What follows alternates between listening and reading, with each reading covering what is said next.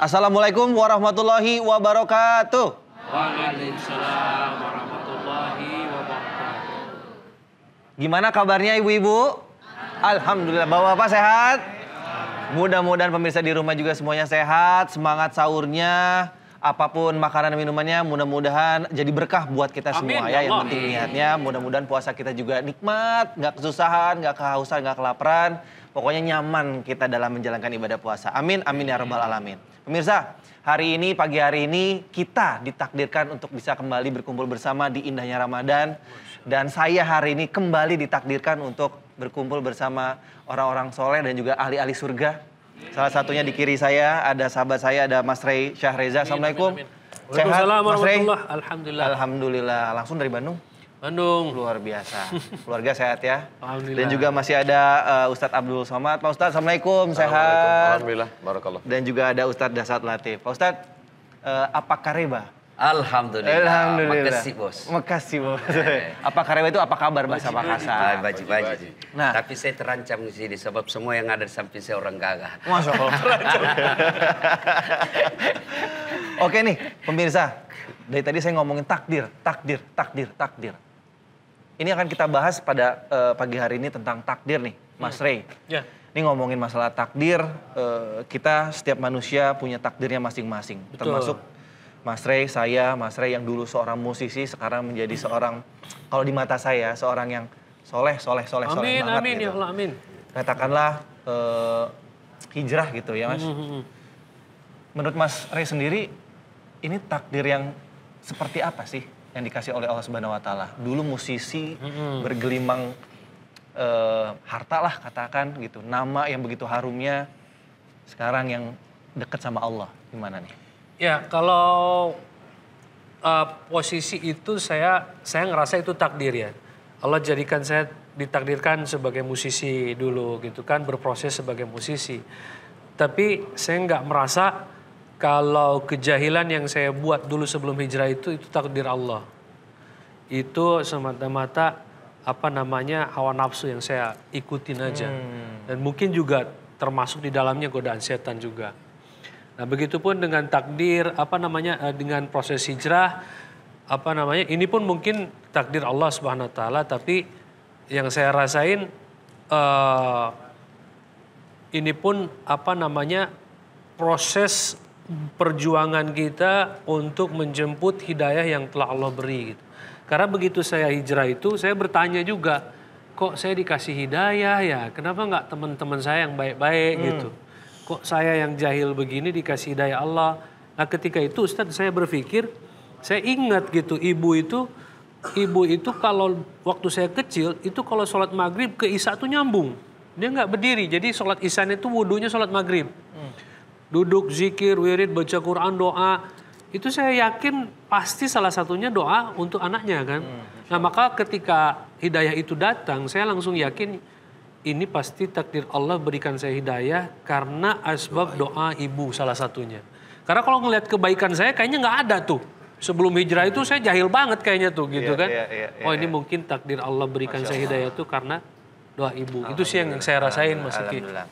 Pak Ustadz, ngomongin takdir lagi nih. Bagaimana sih baiknya kita menyikapi takdir? Karena kita nggak nggak ada yang tahu takdir ya, ibu-ibu ya. Cuman Allah Subhanahu Wa Taala yang tahu takdir. Silakan Pak Ustadz. Ada seorang anak yang disekolahkan di luar kota, dikirim belanja tiap bulan. Tapi ketika pulang, seperti lagu yang selalu disampaikan Ustadz Das'ad, pulang-pulang berbadan Badan dua. dua. Ketika ditanya oleh bapaknya sama ibunya, kenapa bisa begini? Uang sudah habis, kamu nghabiskan uang aja, dibeliin mobil, dibeliin HP, kenapa bisa begini? Apa kata dia? Papa, mama sabar, ini sudah takdir. Waduh. Jadi akhirnya malah ada satu kelompok yang mengatakan kalau begitu rukun iman ini kita buat lima aja. Takdir di amandemen. Karena hanya menyesatkan, mengkambing hitamkan. Padahal hadisnya sahih ketika Jibril bertanya kepada Nabi SAW, Mahwal iman. Iman itu apa? Antumina billah wa malaikatihi wa kutubihi wa rusulihi wal yawmil akhir wa biqadri takdir khairihi wa syarrihi. Maka orang yang di antara ciri aliran sesat yang ditetapkan 10 poin di Majelis Ulama Indonesia adalah mengingkari rukun iman. Jangan sampai mengingkari takdir. Jadi sebenarnya bukan salah takdirnya, tapi salah memahami takdir. Nauzubillahi minasyaitonirrajim. La syamsu yanbaghi laha an tudrikal qamar. Tidak mungkin matahari bertemu dengan bulan, bulan tidak mungkin bertemu dengan matahari. Walal lailu sabiqun nahar. Tidak mungkin malam mendahului siang, siang mendahului malam. Wa kullum fi falakin yasbahun. Semuanya berjalan di garis edarnya masing-masing.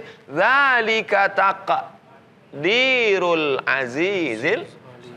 Itulah takdir. Takdir apa maknanya?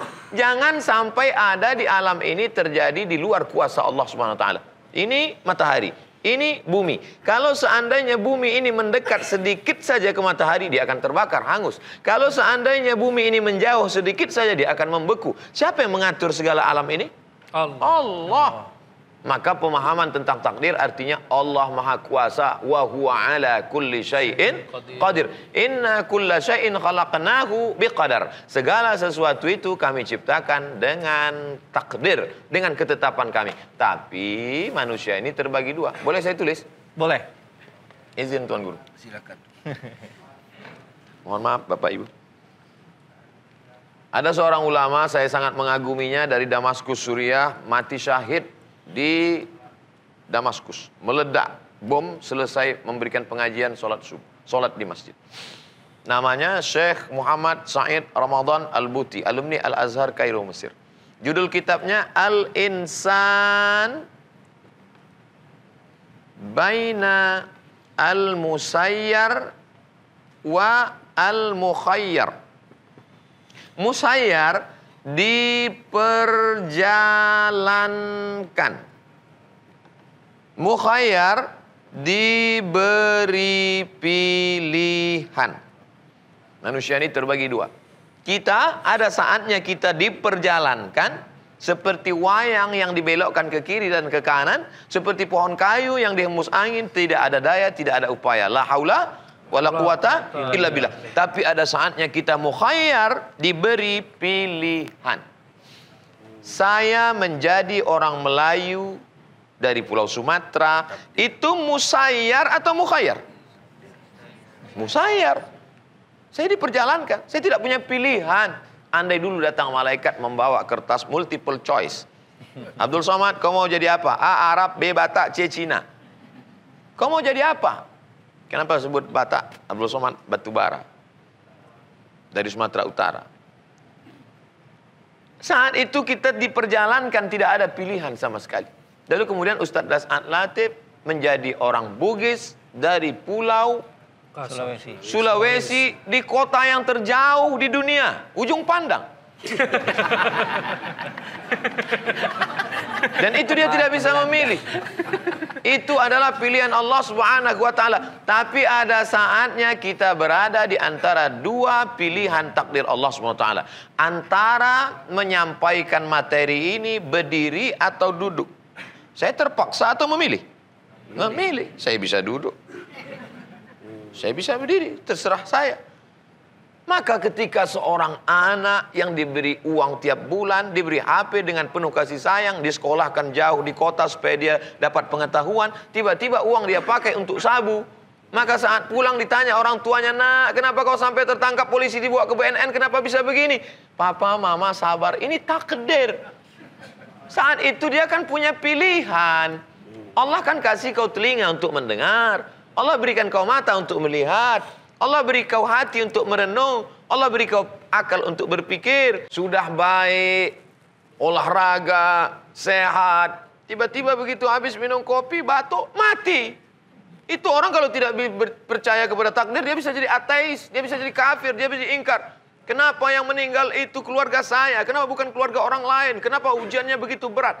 Tidak ada jalan lain kecuali berkata inna lillah Wa inna wa inna ilaihi rajiun. Oleh sebab itu salah memahami takdir, kita bisa menjadi apatis dan bisa menjadi ateis. Kalau jomblo, jadi pilihannya yang mana nih?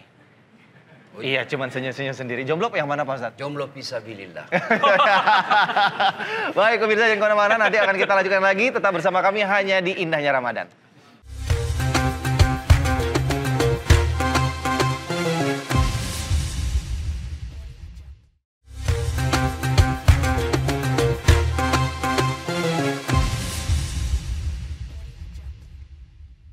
Baik pemirsa TV One di mana pun Anda berada, kembali lagi di indahnya Ramadan yang akan menemani santap sahur Anda pagi hari ini. Ya kita masih membicarakan atau tema kita eh, kali ini adalah takdir.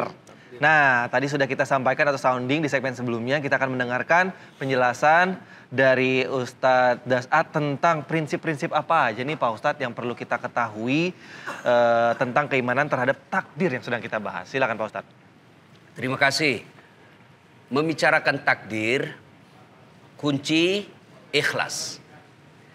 Kalau kita punya sifat ikhlas dalam menerima takdir Allah, maka hidup kita akan bahagia. Kapan dia tidak ikhlas menerima keputusan yang Allah berikan dalam hidupnya, maka dia akan sengsara. Ya, misal Allah takdirkan saya, tubuh saya kecil, hidung pesek. Ya, kalau saya ikhlas, maka saya akan tenang. Inilah yang terbaik buat saya. Tapi kalau saya tidak ikhlas, maka saya akan operasi plastik. Buat putih seperti Korea. Ya, maka saya akan cari habis duit, sengsara perasaan, belum lagi kalau ada efek jeleknya. Menjadi rusak saya punya yang tadi. Ya, seperti ibu-ibu kan sekarang ada yang dibelah-belah dahunya, hidungnya dikasih pancu, putih betul mukanya, hitam lehernya. Lusung Ya kan? pipit Pak Ustadz, lusung pipit. Ah, itu semua ini membuat dia tidak tentram hidupnya. Maka bicara tentang takdir ini tidak boleh dilepaskan dari keikhlasan. Itulah sebabnya Nabi jelaskan semua perkara umatku ini baik. Kalau dia kaya, bersyukur, baik buat mereka. Kalau dia miskin, lalu bersabar, baik buat mereka. Ibu-ibu tiba-tiba sudah berupaya anaknya lulus sama saya. Saya dulu kan cita-cita jadi tentara. Begitu tes fisik tidak lulus. Kenapa? Ceper. Ya, teman saya lulus. Dia jadi sekarang reserse, polisi, pakai baret merah. Saya lulus jadi ustadz, pakai baret putih. Tapi alhamdulillah dengan baret putih yang saya pakai, mulai baret hitam sampai baret merah, saya ceramai semua. Nah, ini ikhlas. Saya lagi daftar kedokteran. Waktu itu saya daftar kedokteran. Saya juara umum di sekolah saya tamat SMA. Jurusan saya fisika 1. Kemudian saya sholat tahajud 40 malam berturut-turut. Saya nasar puasa 7 hari. Ibu bapak saya doakan saya. Dalam sholat Ramadan saya berdoa. Setiap malam Lailatul Qadar. Begitu tes lihat pengumuman tidak ada nama saya. Saya protes kepada Allah. Ya Allah kenapa kau lahirkan saya dalam seperti ini? Apa rugimu kalau jadi Tuhan saya jadi dokter? Saya berdebat dengan Allah dalam doa saya. Ternyata saya tahu hikmahnya karena saya lulus di Sospol. Lulus di Sospol.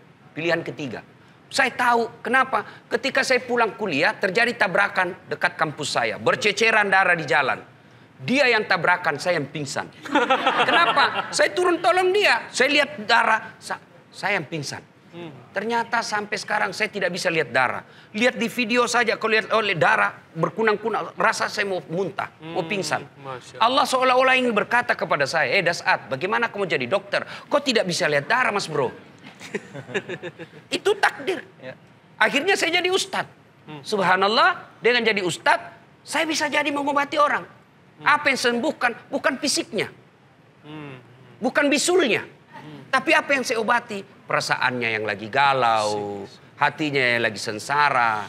Dan saya telepon temanku yang jadi dokter sebelum Ramadan, eh, lebaran kemarin. Dok, kau pulang lebaran? Kenapa? Enggak Ustadz. Kenapa? Mahal tiket. 60 juta bisa sampai saya satu keluarga PP. Mana kita pegawai negeri bisa PP tiap tahun 60? Saya bilang, untung saya tidak jadi dokter. untung saya jadi ustadz. Nggak pernah pusing soal tiket. Kenapa? Bukan saya yang beli. Hebatnya lagi, pergi tidak bawa uang. Pulang, bawa uang. Maka ikhlas menerima takdir. Akan-akan tenang kita. Iya, betul. Kalau kita gelisah terus cari cara, nyogok kiri kanan. Akhirnya masuk fakultas kedokteran. Karena dia pilih menyogok. Sampai di dalam, bingung dia lihat hadapi pelajarannya. Tidak bisa stres setiap malam. Tidak bisa daya tahan tubuhnya. Ikatannya juga jelek. Akhirnya apa? Dia makan narkoba supaya dia bisa bertahan. Hah? Akhirnya makin jauh dari dari uh, rahmat Allah. Akhirnya jadi dokter, dokter abal-abal. Karena tidak di, di luar kemampuannya. Ah, itulah sehingga kunci prinsip memahami takdir ini adalah ikhlas dalam menerima. itu. Masya Allah. Ya? Pak Ustadz, ini saya jadi perta- eh, ingat pertanyaan istri saya di rumah. Eh, pernah kepikiran ingin merubah bentuk fisiknya setelah dia punya anak. Ini mungkin sering terjadi nih sama ibu-ibu setelah punya anak. Dulunya kurus istri saya, sekarang agak gemuk gitu. Dia, saya bilang nggak boleh merubah takdir dari pemberian dari Allah Subhanahu Wa Taala. Terus dia balas, dibilang gini, kan mengembalikan ke bentuk semula. Alasannya seperti itu.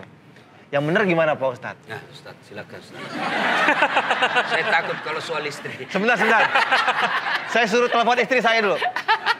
Nih nonton TV One nih, ya biar dikasih tahu jawabannya. Nah, ayo Pak Ustadz. Hadis diriwayatkan sahabat Nabi Abdullah ibnu Mas'ud radhiyallahu an. La'anallahu washimat. Allah melaknat yang membuat tato. Wal mutashimat minta buatin tato. Wal mutanammisat yang mencabut apa nih? Bulu mata. Alis, Alis. mencabut, membuang, menghapus, mengotak-atik. Wal mutafallijat gigi, memotong gigi atau mengotak-atik gigi. Wal mughayyirat lil husni, merubah yang sudah baik menjadi hanya lil husni untuk mempercantik saja. Kalau dia tidak normal, merubah menjadi normal boleh. Ada mungkin giginya tidak normal, tidak susunannya. Dia senyum kita pingsan. itu boleh. Atau bulu mata alis ini tumbuhnya itu, itu boleh. Yang tidak normal menjadi normal. Adapun yang sudah normal malah di otak-atik menjadi abnormal. Maka dia masuk dalam yang dilaknat Allah. La'anallah, Allah melaknat. Makna laknat artinya ba'idun anir rahmah, jauh dari rahmat Allah Subhanahu wa taala. Perempuan setelah melahirkan, kemudian maaf tubuhnya melar, maka dia cukup dengan puasa sunat. Senin Kamis. Senin Kamis. Makanan yang paling banyak, paling enak, paling berkualitas, paling bergizi adalah makanan Ustadz Dasan Latif. Karena setiap dia diundang makanan banyak, tapi tubuh tetap Sama Ustaz, sama sama sama. Jadi eh, bicara soal takdir tadi, ada kan yang rubah gigi. Ini ada vokalis kita. Saya ingat saya nonton filmnya Freddie Mercury. Freddie Queen. Mercury. Freddie Mercury. Queen. Karena pernah ditanya sama jurnalis, kenapa kau tidak mengubah memperbaiki gigimu? Iya. Apa jawabannya? Justru gigi ini yang membuat saya lebih bagus suara saya. Nah itu. Iya katanya Jadi rongganya bisa jadi membuat kalau ya. dia rubah masuk ke dalam, ah, suaranya jadi cempreng. Iya. Jadi rumusnya adalah ikhlas dan bersangka baik. Sangka baik, sangka baik. Tiba-tiba dapat Ada berita. lagunya nggak tuh Ustaz? Ah, Oh, banyak, banyak lagunya tapi agak susah sebab mulut saya mulut bugis Ustaz.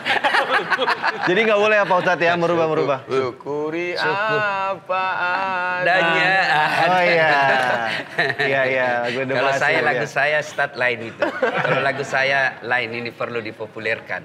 Gimana, gimana? Ada istri senang. istri senang. Istri Pak, satu, catat, dua, Pak. tiga, Empat kali. ada istri senang, gak ada istri senang. Istri satu, dua, tiga, empat senang. La ilaha illallah, la ilaha illallah, la ilaha illallah. Masya Allah. Ah, Luar ini biasa. ibu dulu terancam. Ibu-ibu terancam. Mas Rey. Yes, Siap-siap menerima takdir buruk. saya sudah diizinkan sama istri. Pak. Diizinkan pergi dari rumah. Mas Rey, Iya. ini masalah merubah Iya. juga tadi tuh. Mungkin ada tanggapan ini dunia kita sangat akrab banget nih. Betul. Merubah takdir. Merubah takdir ya. Ah, saya sih nggak ber- berusaha merubah takdir, tapi alhamdulillah setelah mendengar penjelasan Ustadz Ustadz tadi, saya makin yakin bahwa doa itu dapat merubah takdir. Selama ini sih kadang masih ada keraguan Ustadz. Ketika doa benernya doa dikabul nggak nih sama Allah. Tapi alhamdulillah setelah beberapa pengalaman iman dan penjelasan Ustadz itu semakin mendukung, semakin membuat saya yakin bahwa doa ini senjata yang paling kuat. Ya, nah, itu doa, doa ini termasuk faktor yang paling mendukung gitu setelah mendengar penjelasan dan apa yang kita Ah, tambahan lagi. Setelah berdoa, sangka baik. Sangka Jangan baik. pernah sangka buruk. Sangka baik kepada Iya, Allah. iya, Semua yang Allah berikan itu yang terbaik buat kita. Iya, iya, Insya iya, iya. Belajar dari pengalaman hidup. Makin Allah kasih kita cobaan ini, sesuatu pasti Allah pasti tahu mampu kita pikul. Bersangka baik. Allah. Tidak ada Baik. bahagia bagi orang yang sangka buruk. Baik, kita tahan dulu eh, cerita-ceritanya. Nanti kita akan kembali ke segmen berikutnya. Berikutnya kita akan persilakan kepada jamaah yang di sini untuk bertanya kepada guru-guru kita dan akan langsung dijawab di sini ya supaya jelas. Jangan ke mana-mana, tetap bersama kami di Indahnya Ramadan. Ramadan.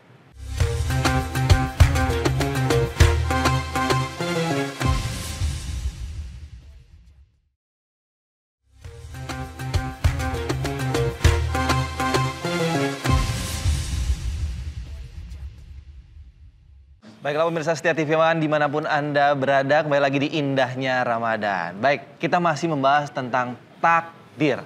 Pak Ustadz ini ada kalau ngomongin takdir ada sebuah istilah yang kadang-kadang kita suka tuker nih antara kodok dan juga kodar.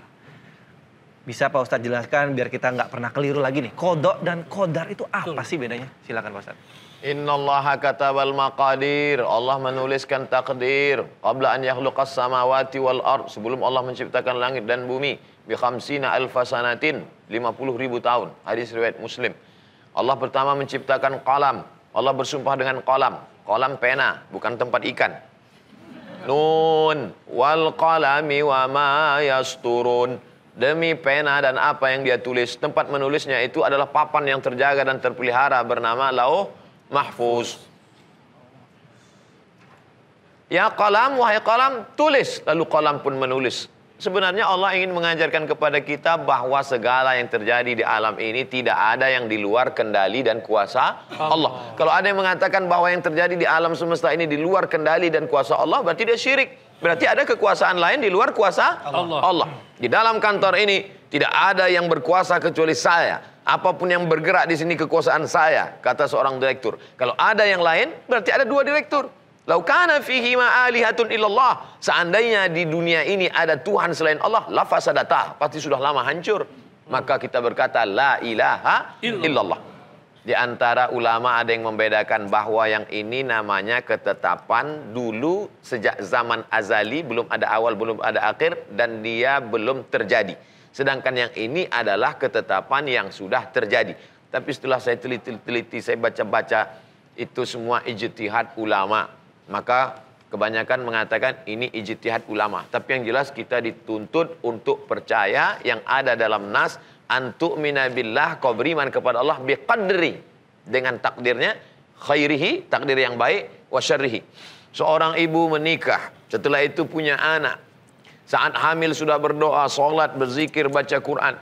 Tiba-tiba lahir anak, maaf beribu maaf, na'uzbillah mohon maaf, lahir dalam keadaan cacat. Kalau tidak beriman kepada takdir, bisa gila. Kenapa anak saya yang begini? Kenapa saya yang kena begini? Kenapa? Satu-satunya jalan untuk melepaskan dari huru hara, kacau balau pikiran ini hanya beriman kepada Allah subhanahu wa ta'ala. Bagaimana seorang bisa membesarkan anaknya yang dalam kekurangan fisik maupun mental sampai anak itu usia remaja dewasa dengan penuh kasih sayang. Mengapa? Karena saat itu dia percaya bahwa ini adalah kiriman dari Allah Subhanahu wa taala. Allah menciptakan manusia itu dari nutfah 40 hari. Berubah menjadi alaqah 40 hari. Berubah menjadi mudghah 40 hari. Nutfah sperma 40 hari cairan 40 hari dalam bentuk darah 40 hari dalam bentuk daging. Summa yursalul malaku. Kemudian Allah kirim malaikat. Lalu kemudian malaikat itu menuliskan. Lalu kemudian malaikat itu. Dan malaikat itu atas kuasa Allah subhanahu wa ta'ala. Lalu apa yang bisa merubah takdir ini? La yaruddul qada illa doa. Tidak ada yang bisa merubah takdir kecuali doa. Makanya saya amati bagaimana proses perjalanan hijrah Masre tadi ternyata ada doa yang merubah takdir. Doa yang mana? Doa seorang ibu dari maghrib sampai ke isya dengan simpuh sujudnya, dengan doanya yang makbul menembus pintu-pintu langit. Maka jangan pernah putus asa ibu-ibu doa terus di sujud terakhir apalagi di bulan suci Ramadan ini pada malam-malam tarawihnya, pada malam sujudnya, pada malam iktikafnya, pada malam tahajudnya, pada malam dia bersimpuh minta kepada Allah Subhanahu wa taala, insya Allah semua yang ditakdirkan dalam jelek dirubah Allah menjadi baik insya Allah. Makanya di antara doa yang dipanjatkan pada malam Lailatul Qadar, Allahumma innaka afun, engkau maha pemaaf, tuhibbul afwa, kau cinta kepada maaf, fa'fu anni, maafkanlah aku. Tapi malam qadar juga disebut adalah malam penetapan takdir setahun ke depan. Yang sudah ditetapkan secara umum, maka secara detailnya ditetapkan pada malam Lailatul Qadar. Dan kita tidak tahu pada malam yang mana itu. Maka kita mohon kepada Allah ya Allah yang kau takdirkan tidak baik maka robahlah menjadi baik. Yang kau takdirkan sudah baik robahlah menjadi yang lebih baik. Semua kuasa Allah. Yamhullahu ma yasha wa yusbit. Allah maha kuasa untuk menghapus dan Allah maha kuasa untuk menetapkan yang sudah ada. Wa indahu ummul kitab. Karena semuanya ada dalam kuasa dia. Adapun kita tak ada daya, tiada upaya, la haula wala quwata illa billah. Tapi kita ada namanya al-kasbu wal ikhtiar. Itulah yang membedakan kita dengan ahlul bid'ah. Kita ini ahlus sunnah wal jamaah. Ahlus sunnah wal jamaah Ash'ari mengatakan ada yang namanya al-kasbu wal ikhtiar. Kasbu ikhtiar artinya Allah berikan kita kuasa untuk memilih. Jabariyah, kelompok ahlu bidah mengatakan tidak ada. Jabariyah diambil dari kata jabar. Jabar artinya majbur, terpaksa. Tidak ada daya, tidak ada upaya sama sekali. Inilah aliran yang sesat, menyesatkan. Dolla wa. Semua yang terjadi ini. Kalau ditanya dia, kenapa kamu berzina? Ini adalah takdir. Kenapa kamu mabuk? Ini adalah takdir. Dan ini dulu sudah ada, bukan zaman sekarang saja. Karena dia minum khamar, mabuk, ditangkap. Pada masa Sayyidina Umar Ibn Khattab. Dicambuk, dihukum. Ketika ditanya, kenapa kamu mabuk? Dia jawab, ini takdir Allah. Kata Umar bin Khattab, cambuk dia dengan hukuman hudud orang minum khamar dengan bonus tambahan. Kenapa hukumannya ditambah? Yang pertama, karena dia minum khamar. Yang kedua, karena bicara takdir tanpa ilmu. Oleh sebab itu, masalah minum khamar adalah pilihan. Wallahu a'lam. Wallahu a'lam. Tuh, memilih nih Mau Mas Rey. sedikit nih. Mau nanya boleh, Ini boleh. kan masalah takdir juga Ustaz. Eh, doa dapat merubah takdir tadi barusan kita dengar dari Ustaz. Nah, katanya doa terbaik itu di sajat saat sujud terakhir. Cuman kan ketika sholat lima waktu itu, kalau kita laki-laki kan berjamaah nih. Kalau imam kan kadang-kadang ada yang lama di sujud terakhir, ada yang cepat. Nah, apakah itu doa di sujud terakhir ini berlaku di sholat sunat atau tidak? Aqrabu ma yakunul abdu min rabbihi wa huwa sajid. Orang yang paling dekat dengan Allah adalah pada saat dia bersujud. Fa'aksiru fihi doa, maka perbanyaklah doa di sujud itu. Hadis riwayat Muslim.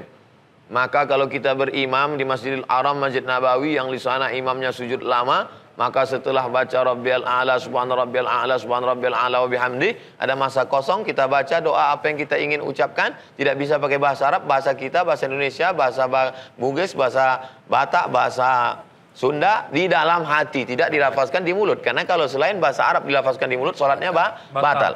Tapi kalau di tempat kita imamnya tercepat, nah, maka jangan kita terlalu lama nanti menimbulkan fit, fitnah. Kita khawatir kita berdoa, makmum di sebelah membatalkan sholatnya dika- disangkanya kita sakratul maut.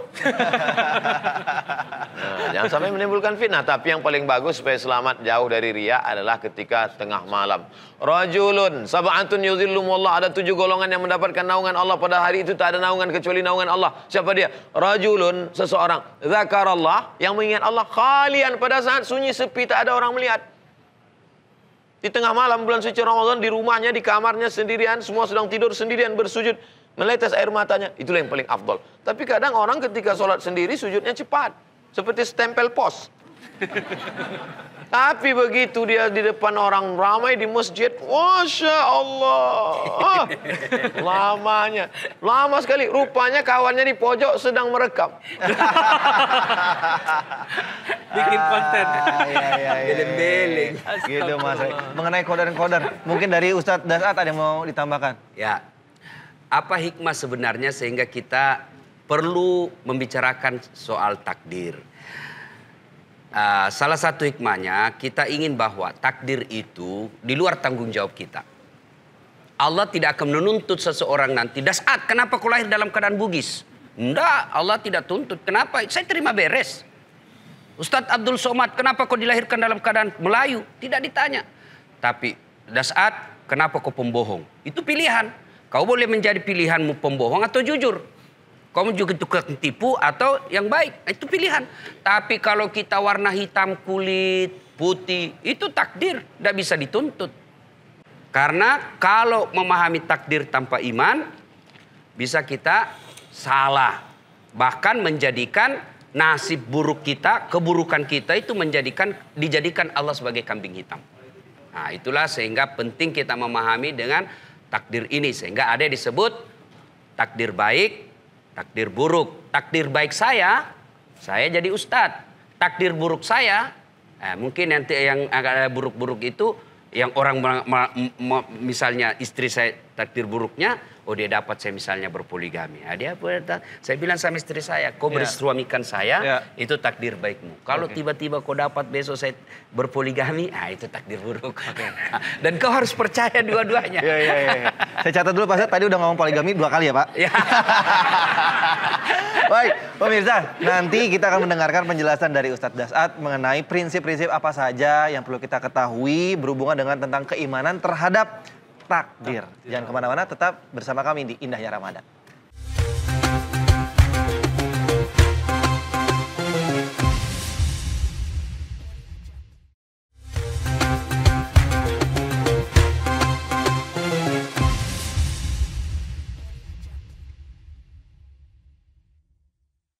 Baiklah pemirsa TV One masih bersama kami di Indahnya Ramadan. Coba mana nih semangatnya tepuk tangan dong buat jemaah di sini. Harus semangat ya, sahur-sahur ngantuk-ngantuk harus semangat biar berkah puasanya. Baik, sekarang kita akan berikan kesempatan untuk jamaah untuk Anda semua yang ada di sini bertanya kepada eh, Pak Ustadz. Monggo silakan buat ibu-ibu dulu, ladies first. Iya, ibu Ya, silakan. Siapa, Assalamualaikum Bu? warahmatullahi wabarakatuh. Waalaikumsalam. Nama saya Halimah Lubis dari Majlis Taklim El Pawas Jakarta. Ingin menanyakan bagaimana menyikapi takdir dengan ikhlas. Saya Hmm. akan tanyakan ke Ustadz Saad Atib. Terima kasih. Wassalamualaikum warahmatullahi wabarakatuh. Baik, kita simpan dulu ya pertanyaannya. Pertanyaannya bagaimana caranya menerima takdir dengan ikhlas? Ikhlas. Tadi disebutkan juga ya, tapi ternyata emang nggak gampang untuk bisa ikhlas. Ilmu yang paling susah dikuasai adalah ilmu ikhlas katanya. Kita simpan dulu pertanyaannya. Silakan untuk bapak-bapak yang mau bertanya, monggo yang mana? Ya. warahmatullahi wabarakatuh. Waalaikumsalam. Eh, nama saya Ahmad Mahrudin dari Masjid Al Muhajirin Depok 2. Pak Ustadz, saya mau bertanya tentang ini tabir Ramadan. Eh, apabila kita sudah melaksanakan sahur terus ketiduran, tidak meniat puasa. Ketika kita bangun sudah jam 6. Apakah kita niat Ramadan, eh, niat puasa? Apa gimana itu? Mohon penjelasannya. Terima kasih. Oke, siap. Terima kasih. Teknis nih ya pertanyaan kedua.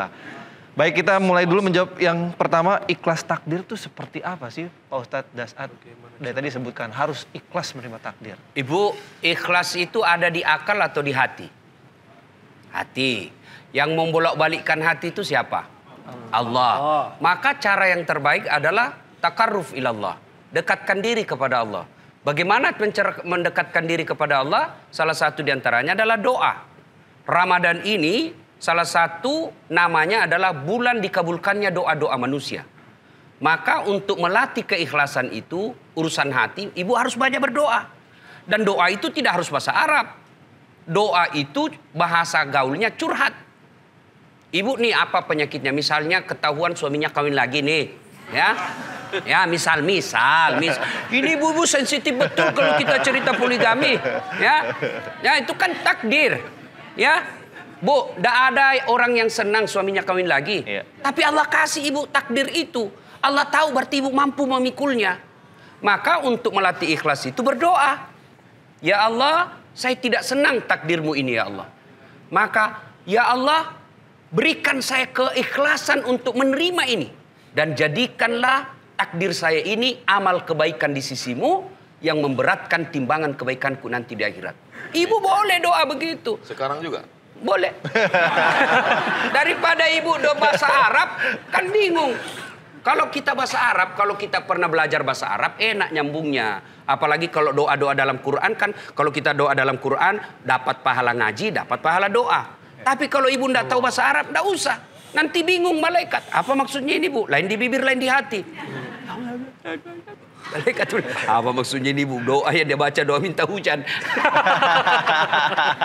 ya bu, tidak ada pilihan berdoa agar ikhlas. Dan keikhlasan itu memang tidak gampang. Ya, ya. Tidak gampang, maka perlu doa. Karena hanya Allah yang membolak-balikkan hati kita. oke. Nah, ini yang berikutnya, niat. Niat itu bukan bahasa lisan. Niat itu ada di hati. Ya, niat tidak harus diucapkan. Begitu Bapak mau masuk Ramadan, sudah ada dalam hati, saya mau puasa bulan Ramadan penuh. Oh, itu sudah niat. Tanpa diucapkan, boleh. Misal sholat, yang usolli-usolli itu kan Usolli fardhu duhuri. Itu kan umumnya ulama Melayu yang ngajarkan. Coba Anda jalan di, di Arab, Arab ya, masuk di masjid, masjid Masjidil Haram Nabawi, coba lihat orang orang Arab jalan-jalan jalan, Allahu Akbar. Ya kan? So, rasa-rasanya tidak ada space untuk baca niat. Kalau kita kan lama sekali. Lagi loading. Jadi niat niat tidak harus diucapkan. Ya, niat tidak harus diucapkan. Pun kalau mau diucapkan tidak apa-apa. Kenapa ulama mengajarkan kita untuk mengucapkannya? Untuk melatih bahwa begitulah bahasa dalam hatimu. Hmm. Dan Tapi tidak ya. harus, tidak harus diucapkan. Begitu Tuan Guru? Pak Ustadz silakan tambahkan mungkin yang masalah takdir. Tentang saya bertanya ke Ustadz Dasat Latif, Ah, Ustadz ibunya masih ada masih umur ibu Ustadz berapa? 84 tahun. Masya Allah. Dalam hati saya, kenapa ibu saya meninggal umur 70 tahun? Tetap tidak ada rasa ridho untuk menerima takdir Allah. Padahal sudah meninggal hampir setahun yang lalu. Kenapa ibu saya tidak berumur panjang seperti umur ibu Ustadz Dasat Latif? Maka hati ini tetap melawan. Maka tidak ada cara lain kecuali berdoa pada Allah, Ya Allah tundukkan hatiku karena makna Islam artinya al-inqiyad wa ta'ah tunduk. Jadi kalau kita masih melawan, kita, kita belum Islam. Mungkin kita sudah bersyahadat, sholat, zakat, puasa, haji. Tapi kita belum Islam dalam makna ketundukan sepenuhnya kepada Allah. Sampai hari ini, walaupun sudah setahun yang lalu meninggal, kenapa ibu dia umurnya panjang? Kenapa ibuku tidak?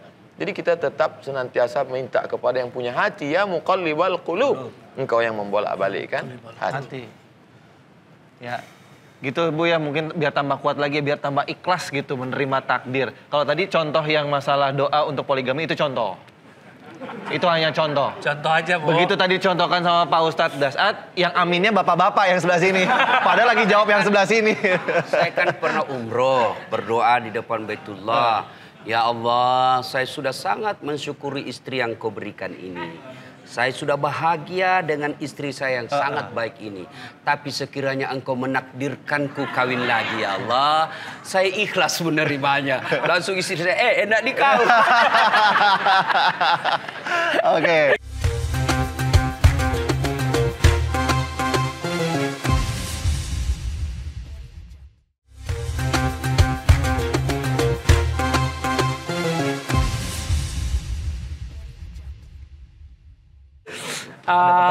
berhubungan dengan eh, ikhlas, takdir mungkin? Ya, itu aja paling selain doa nih. Mungkin ada lagi ya. Karena kita tuh haus ya. Kita haus ilmu nih.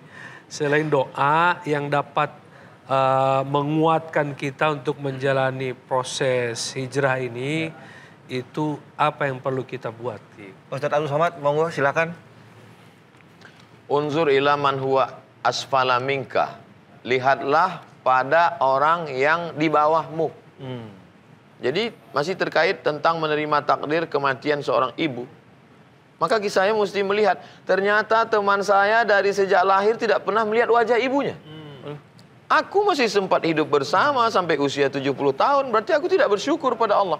Maka mesti melihatnya ke bawah. Jadi untuk mensyukuri nikmat Allah, menerima takdir, kita mesti banyak-banyak lihat ke bawah.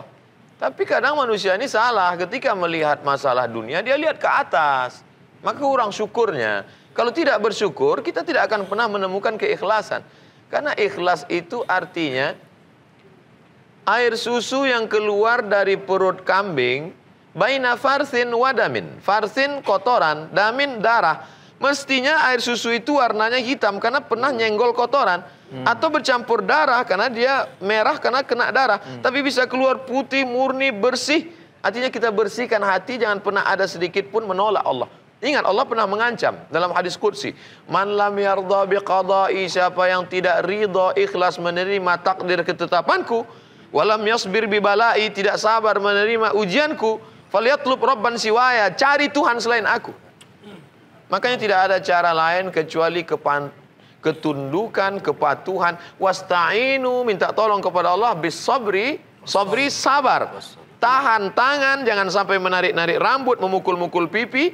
Wassalah, dan banyak-banyak salat. Makanya ketika Sayyidina Abdullah bin Abbas sedang naik kuda, naik naik unta, pelan. Tiba-tiba dari belakang datang adiknya mengejar, datang jamaah, datang sahabat mengejar dengan kuda yang kencang, memberitahu, wahai Abdullah bin Abbas, saudaramu gugur di medan perang. Dia langsung turun ke bawah, berwuduk dan sholat. Untuk apa? Minta tolong kepada Allah. Bahwa sebenarnya ini yang kuterima ini kecil, tidak ada apa-apanya, karena aku bersandar kepada engkau yang maha besar. Allahu Akbar. Serahkan semuanya, inna salati wa nusuki wa mahyaya wa mamati lillahi rabbil alamin. At-tahiyatul mubarakatu salawatu taibatu lillah. Jurus ini tidak hanya berlaku ketika menerima kematian, termasuk juga menerima kabar ketika suami menikah lagi.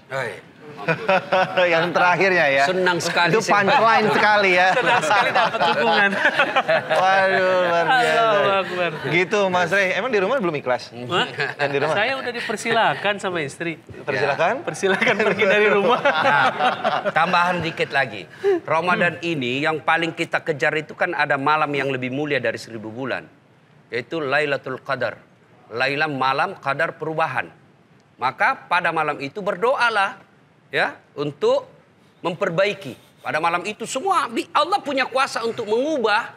Misal, misal nih, misal 2021 Das Atlatif wafat. Tapi pada malam itu saya berdoa. Ya Allah panjangkan umurku supaya saya bisa menghajikan orang lebih banyak.